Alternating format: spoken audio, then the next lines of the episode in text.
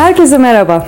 Neredir adlı serinin bu yeni içeriğinde idealizmden bahsedeceğiz. Konuya girmeden önce bu serinin amacına çok kısa değinmek isterim. Din nedir ile başlayarak hepimizin bildiğimizi düşündüğümüz ama aslında tam anlamıyla kavrayamadığımız için düşünce sistemimizde ve bakış açımızda boşluklar yaratan bazı kavramları kısa ve öz bir biçimde açıklamanın önemli olduğunu düşündüm. Çünkü basit gibi görünen bu temel kavramları ancak net bir şekilde kavrayabilirsek inşa etmeye çalıştığımız algı seviyemize sağlam bir temel sağlayabilirler bence.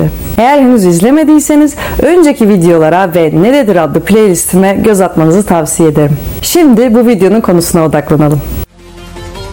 İdealizm nedir? İdealizm fikirlerin tek gerçeklik olduğu görüşünü benimseyen felsefi bir doktrindir. Dolayısıyla idealistler için dış gerçeklik yoktur ve dünya fikirlerden ibarettir. Bu nedenle idealistler maddi şeylerin gerçekte var olmadığını iddia ederler. Aslında idealistler için maddi şeyler değişebilir ve yok edilebilir oldukları için gerçek değildir.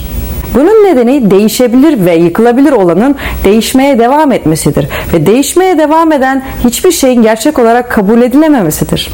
Bu nedenle idealistler için yalnızca fikirler gerçektir. Çünkü fikirler değişmez, değişmez ve yok edilemez. İdealizm maddi nesnelerin insan zihninden bağımsız olduğu görüşünü benimseyen felsefi bir doktrin olan realizmle çelişir. Realistler için maddi nesneler gerçektir. Realistlerin iddiasının aksine idealistler gerçeği maddi şeylerden ziyade akıl ile ilişkilendirirler.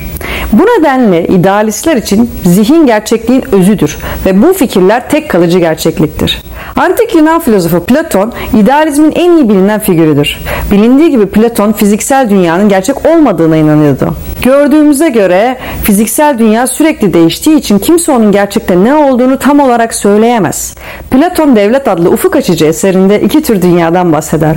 Formlar veya fikirler dünyası ve maddenin dünyası. Platon'a göre madde dünyasında var olan herhangi bir maddi nesne formlar dünyasında var olan nesnenin sadece bir kopyasıdır. Örneğin bir ağacı ele alalım. Platon için madde dünyasında deneyimlediğimiz ağaç gerçek değildir. Çünkü değişebilir, değiştirilebilir ve yok edilebilir. Gerçek ağaç form dünyasında var olmalıdır. Yani antlaşma fikir üzerinde var olur. Gerçekten de örneğin bir ağaç gibi herhangi bir maddi nesneye ilişkin anlayışımız bu maddi nesnelerin formudur.